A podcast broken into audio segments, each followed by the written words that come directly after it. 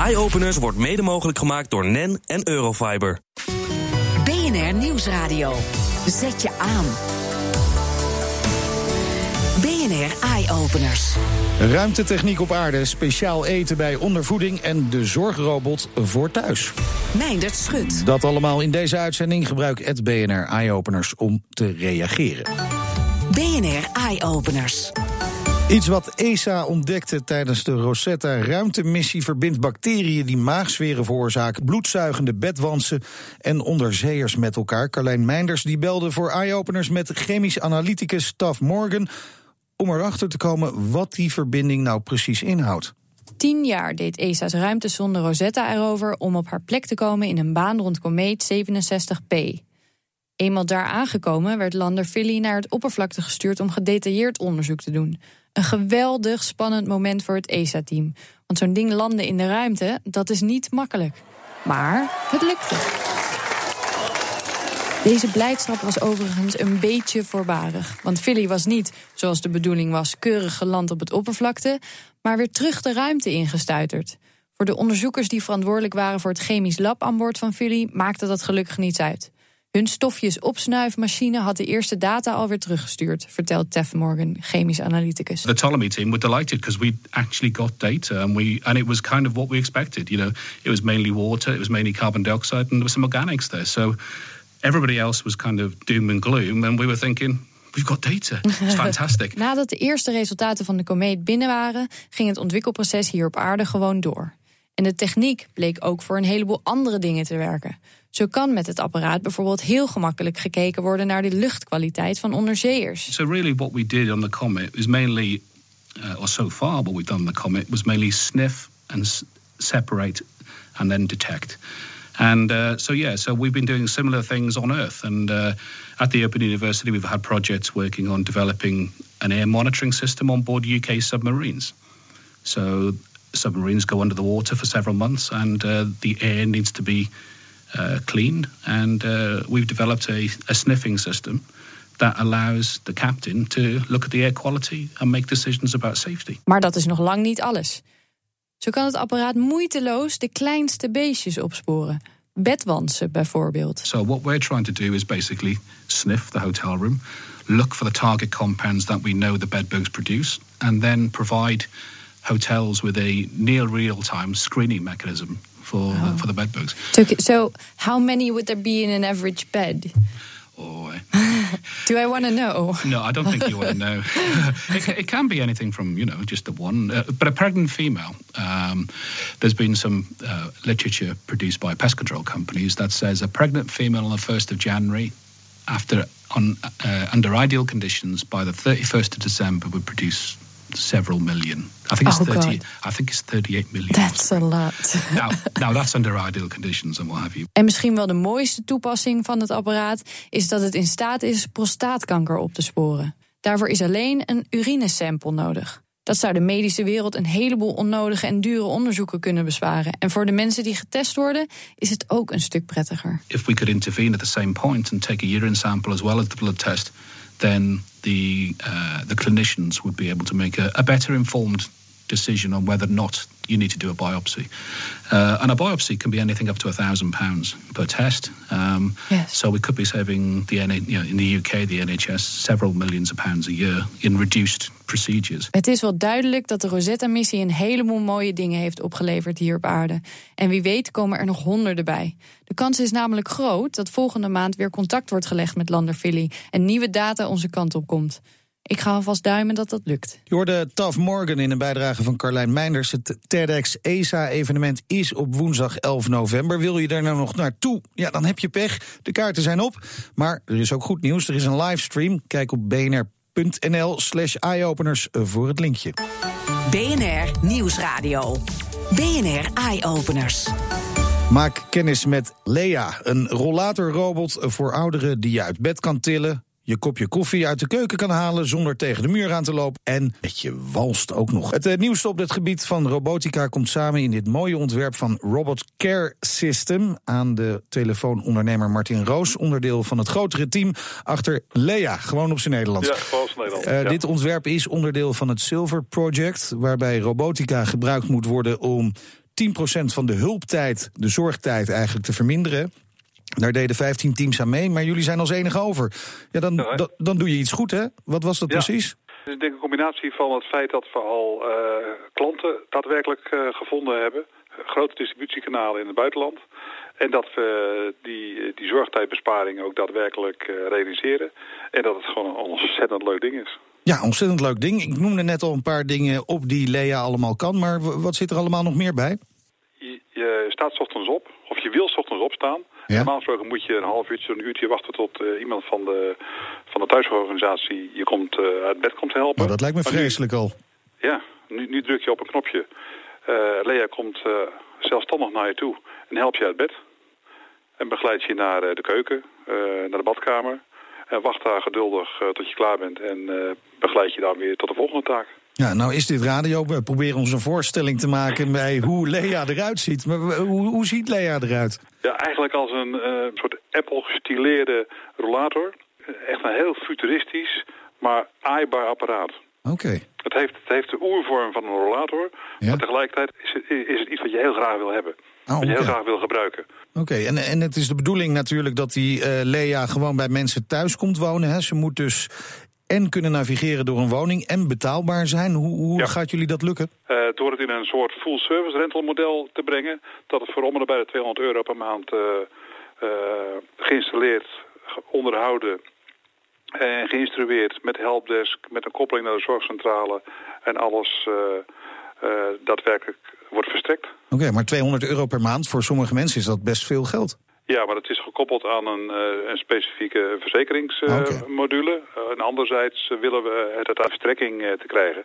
Als we ook daadwerkelijk aan de betrokkenen kunnen aantonen dat het Ja. zijn nut heeft. Maar zijn, zijn er al verzekeringsmaatschappijen die zeggen... hier willen wij inderdaad instappen, dit willen wij gaan aanbieden? Ja, CZ is, is partner geworden van ons. Oké, dus dat is in ieder geval een eerste stap eh, voor eh, Lea. Eh, Ik had het er al over, hè? die Lea die moet door het huis kunnen navigeren. En zeker bij oudere mensen staat er nog wel eens het een en ander in het huis, kastje hier en daar. Welke technieken gebruikt Lea allemaal om veilig door het huis te navigeren? Ja, hij ziet er weliswaar uit als een zeer futuristische rollator, maar het Ja. is eigenlijk een robot. Dus alle robotica-technologie die we in huis hebben van de andere bedrijven, die is erin gestopt. Dus er zitten ultrasoonsensoren in, er zitten laserscanners in, eh, 3D-camera's, eh obstakelherkenningssensoren. Dus eh, voortdurend weet hij om zich heen wat er is. Hij begint met een soort, soort met van basiskaart. Daar staan de muren, daar staan de deuren. Nou, die zullen niet elke dag veranderen. En dan vervolgens inderdaad het, het rijdende piedestal of, een, of een ander makkelijk te verplaatsen object. Dat, dat herkent hij. Oké. Eh, daar gaat hij omheen. Zijn er lage obstakels, heeft hij lage sensoren. Zijn er Oké. hoge obstakels, zijn er hoge sensoren. Tot en met eh, eh, de kat en de hond aan toe.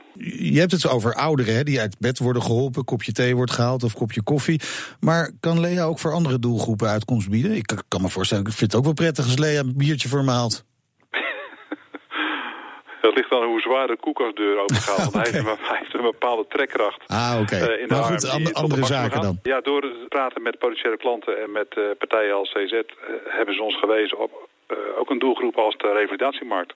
Er zijn in een revalidatieafdeling of een revalidatiekliniek... zijn er heel veel herhaaloefeningen te doen... waarbij je leert, zeg maar...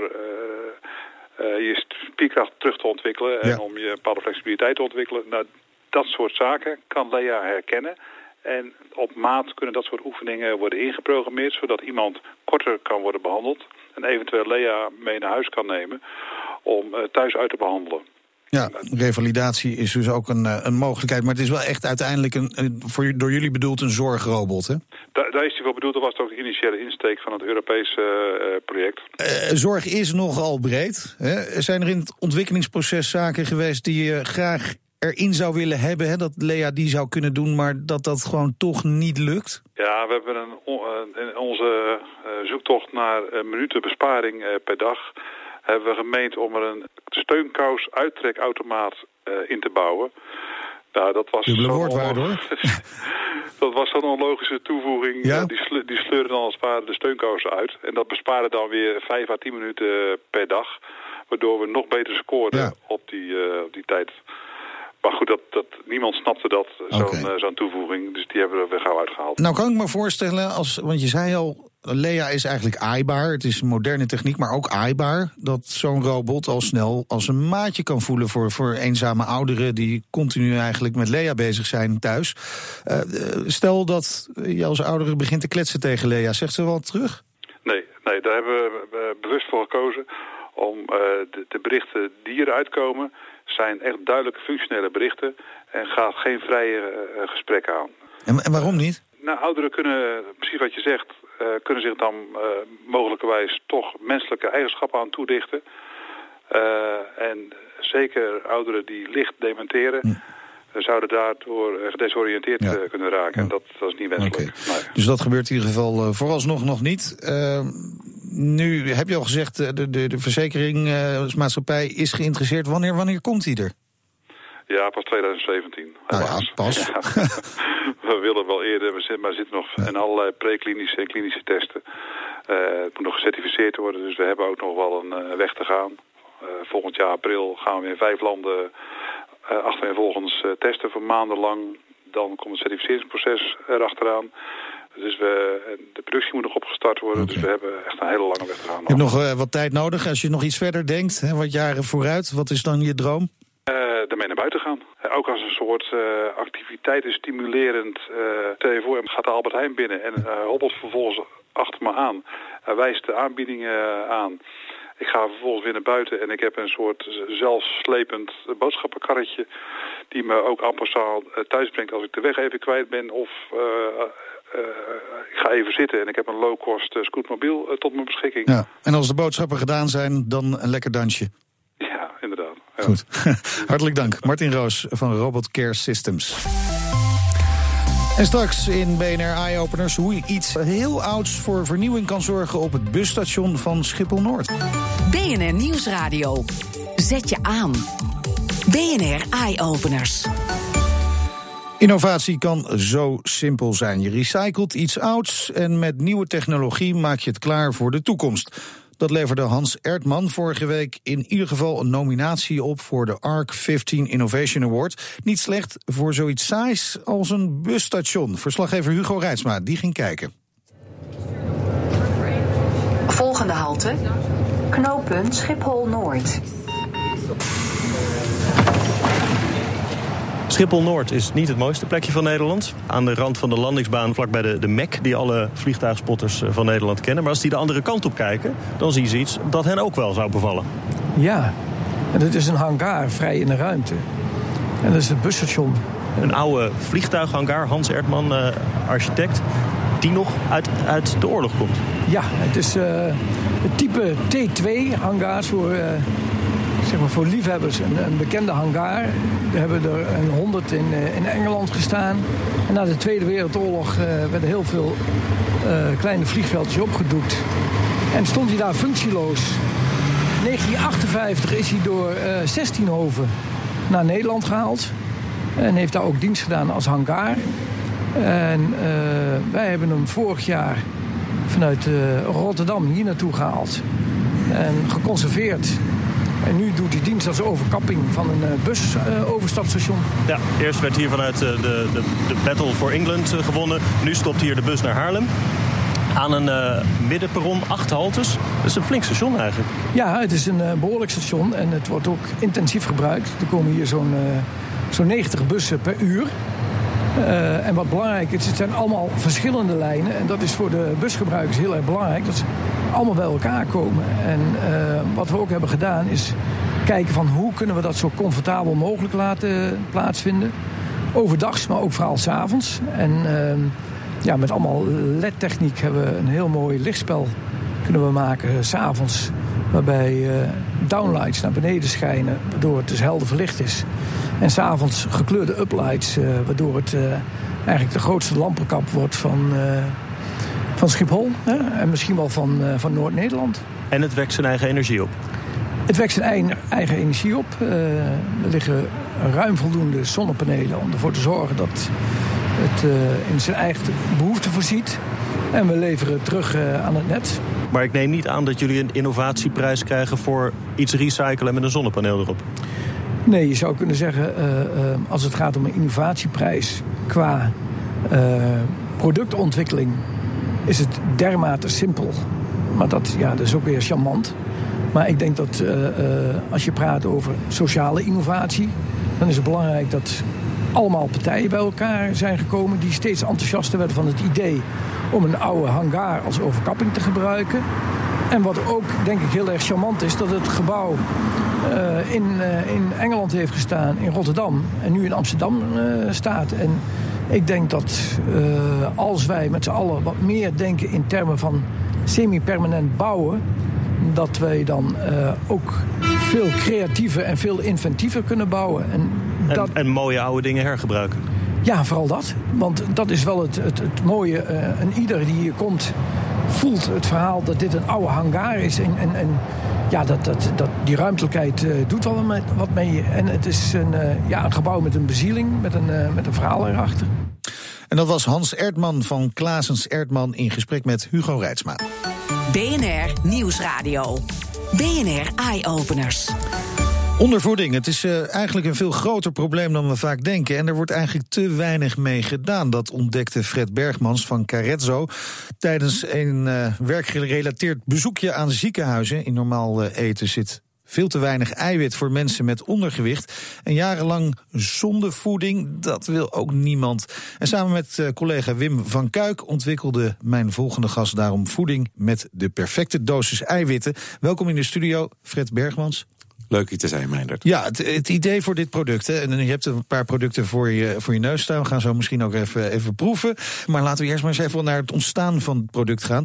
Want jullie merkten dat er vanuit de ziekenhuizen vooral heel veel vraag naar is. Dat klopt. De vraag kwam van diëtisten. Die zeiden: we hebben echt behoefte aan meer keuze en meer variatie in producten die, voor mensen die moeten herstellen. Die Want wat deden ze tot nu toe?